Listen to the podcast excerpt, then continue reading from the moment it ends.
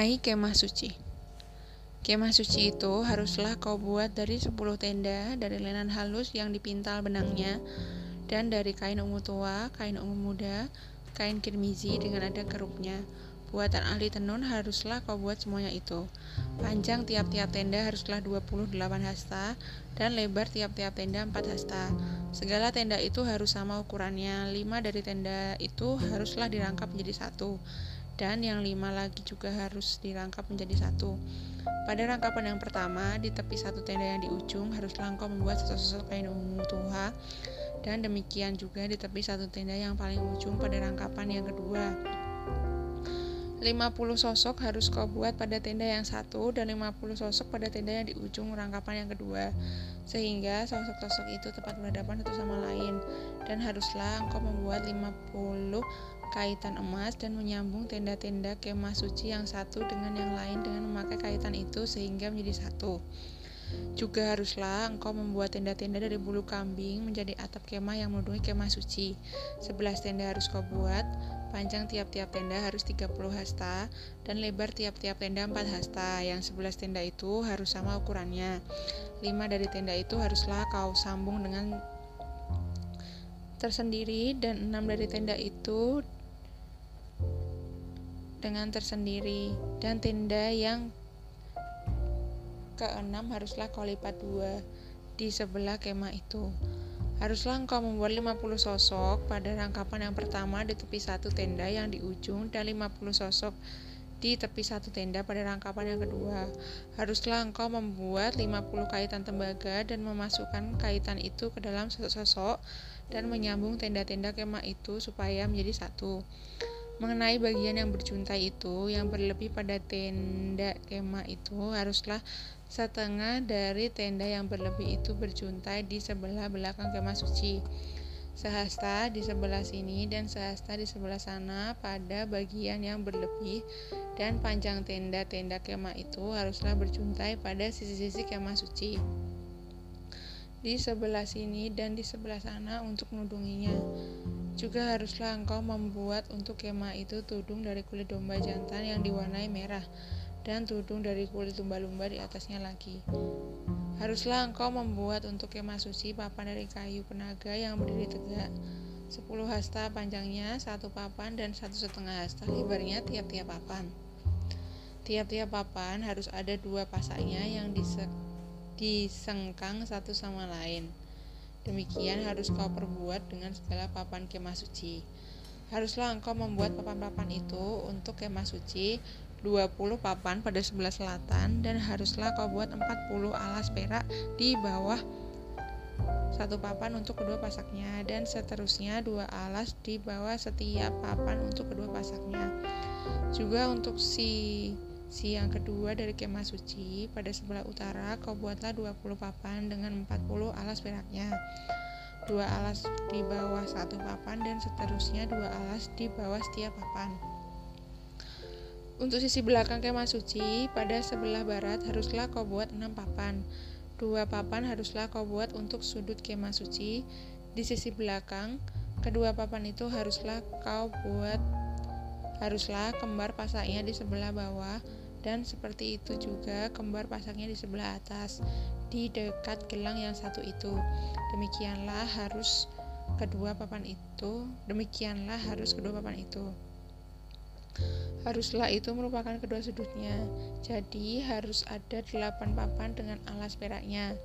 16 alas dua alas di bawah satu papan dan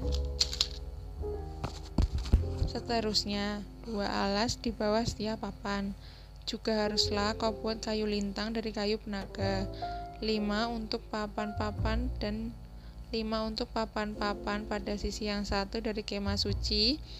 Lima kayu lintang untuk papan-papan pada sisi yang kedua dari kemah suci dan lima kayu lintang untuk papan-papan pada sisi kemah suci yang merupakan sisi belakangnya pada sebelah barat dan kayu lintang di tengah di tengah-tengah papan-papan itu haruslah melintang terus dari ujung ke ujung.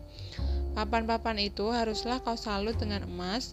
Gelang-gelang itu haruslah kau buat dari emas sebagai tempat memasukkan kayu-kayu lintang itu. Dan kayu-kayu lintang itu haruslah kau salut dengan emas. Kemudian haruslah kau dirikan kemah suci sesuai dengan rancangan yang telah ditunjukkan kepadamu di atas gunung itu. Haruslah kau buat tabir dari kain ungu tua dan kain ungu muda, kain kirmizi, dan lenan halus yang dipintal benangnya. Haruslah dibuat dengan ada kerupnya buatan ali tenun. Haruslah engkau menggantungkannya pada empat tiang dari kayu penaga yang disalut dari emas, dengan ada kaitannya dari emas berdasarkan empat alas perak. Haruslah tabir itu kau gantungkan pada kaitan penyambung tenda itu, dan haruslah kau bawa tabut hukum ke sana. Ke belakang tabir itu, sehingga tabir itu menjadi pemisah bagimu antara tempat kudus dan tempat maha kudus. Tutup pendamaian itu haruslah kau letakkan di atas tabut hukum di dalam tempat maha kudus. Meja itu haruslah kau taruh di depan tabir dan kandil itu berhadapan dengan meja itu pada sisi selatan dari kemah suci. Dan meja itu haruslah kau tempatkan pada sisi utara. Juga haruslah kau buat tirai untuk pintu kemah itu dari kain ungu tua, kain ungu muda, kain kirmizi, dan kain lenan halus yang dipintal benangnya. Tenunan yang berwarna-warna. Haruslah kau buat lima tiang dari kayu penaga untuk tirai itu, dan kau salutlah itu dengan emas, dengan ada kaitannya dari emas, dan untuk harus dan untuk itu haruslah kau tuang lima alas dari tembaga.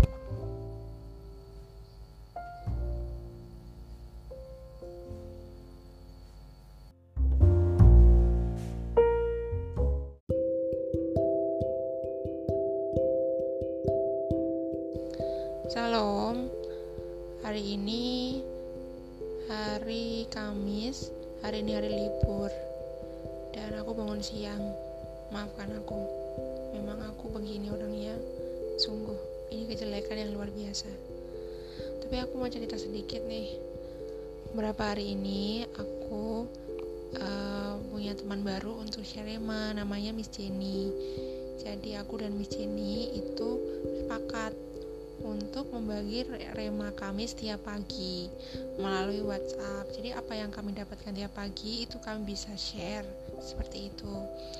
Nah, aku setuju itu karena itu bisa menambah rasa disiplinku dalam firman Tuhan dan hari ini aku um, belum share firman Tuhan ke dia, tapi aku akan share setelah aku buat podcast ini. Dan juga Aku beberapa hari ini itu berdoa untuk semua hal yang ada di kepalaku. Aku tahu kepalaku ini isinya banyak sekali kekhawatiran, uh, ketakutan, kebahagiaan juga, rasa syukur ada, juga keinginan itu ada. Semuanya aku ucapkan setiap pagi. Aku tidak tahu itu benar atau salah, tapi yang jelas Aku mengucapkan itu pada Bapakku yang di sorga yang tersembunyi. Karena ada yang berkata karena firman Tuhan berkata bahwa ungkapkan semuanya itu pada Bapakmu yang tersembunyi maka ia akan memberikannya kepadamu. Atau carilah dahulu kerajaan Allah dan kebenarannya maka semuanya itu akan ditambahkan kepadamu. Atau ungkapkanlah semua hal itu dalam doa. Seperti itu. Nah aku mengungkapkan semuanya itu. Termasuk aku mendoakan orang satu persatu nama per nama dengan menambahkan hanya satu kata berkati si A, berkati si B. Karena aku mengenal banyak orang karena aku mengenal banyak sekali teman-teman itu yang di luar sana. Setiap kali aku habis berdoa untuk orang ini aku ingat yang satu setiap kali aku setelah mendoakan yang ini aku ingat lagi yang itu. Setelah aku selesai ini aku ingat lagi ingat lagi ingat lagi seterusnya gitu loh. Jadi kalau aku runtut-runtut itu aku gak akan selesai doa gitu. Jadi aku bilang ke mereka aku bilang ke Tuhan Tuhan berkati ini berkati ini. Apabila Tuhan mengingatkan aku bahwa orang ini akan ini maka aku mendoakannya. Misalnya seperti Kak Dika hari ini Kak Dika akan uh, tes untuk pekerjaannya. Aku ingat betul itu makanya aku berdoa Tuhan berkati Kak Dika dan hari ini Kak Dika mau uh, uh, mengikuti interview tolong berkati dia. Nah seperti itu. Aku selalu melakukannya. Mulai uh, mungkin dua hari yang lalu aku dulu memang pernah melakukannya tapi sungguh itu adalah hal yang berat. Aku nggak menampi itu adalah hal yang sangat-sangat berat mendoakan orang satu persatu itu adalah hal yang sangat-sangat berat. Tapi aku percaya kok sama roh kudus itu memampukan kita. Karena gimana ya kita mendoakan orang itu kita meminta meminta kepada Bapa gitu loh. Jadi the power itu turun. Atau the power dari kita itu ke ke Tuhan ke orang itu gitu. Jadi kalau kalian bisa merasakan mendoakan orang satu persatu itu benar-benar kita itu memberikan hati kita kepada orang itu gitu loh. Kita memberikan hati, pemikiran, dan harapan kita kepada orang itu lewat Tuhan Yesus. Jadi apa ya sebenarnya itu tuh berat tugas yang sangat sangat berat menurutku. Tapi ya Tuhan menyuruhku seperti itu. Ya sudah aku taat saja aku mendoakan setiap orang yang aku mungkin di situlah bagianku. Mungkin di situlah apa yang aku bisa lakukan. Dan aku melakukan apa yang aku bisa memang seperti itu gitu. Karena aku tidak bisa menginjil sampai ke luar-luar itu bukan bagianku. Mungkin itu bukan bagianku sampai saat ini. Tapi kita nggak tahu ke depannya. Tapi untuk saat ini bagianku adalah mendoakan setiap orang-orang yang aku kenal. Seperti itu. Dan itu benar-benar hal yang baik bagiku karena aku bersyukur sekali Tuhan Yesus itu tetap tetap memegang teguh tanganku. Dan aku juga berdoa untuk pasangan hidup aku berdoa untuk uh, wealthy my wealthy and my family is wealthy. Aku berdoa untuk keinginanku untuk memiliki mobil untuk memiliki rumah juga supaya aku bisa bepergian ke rumah itu mobil dan aku juga bisa ngajak jalan-jalan mama. Yang ti ke pantai naik mobil aku pengen banget itu aku pengen banget. Ya aku berdoa supaya itu terjadi dalam nama Tuhan Yesus. Ya gitu aja sharingku hari ini. Aku percaya bahwa semuanya akan terjadi pada waktu Tuhan di dalam nama Tuhan Yesus.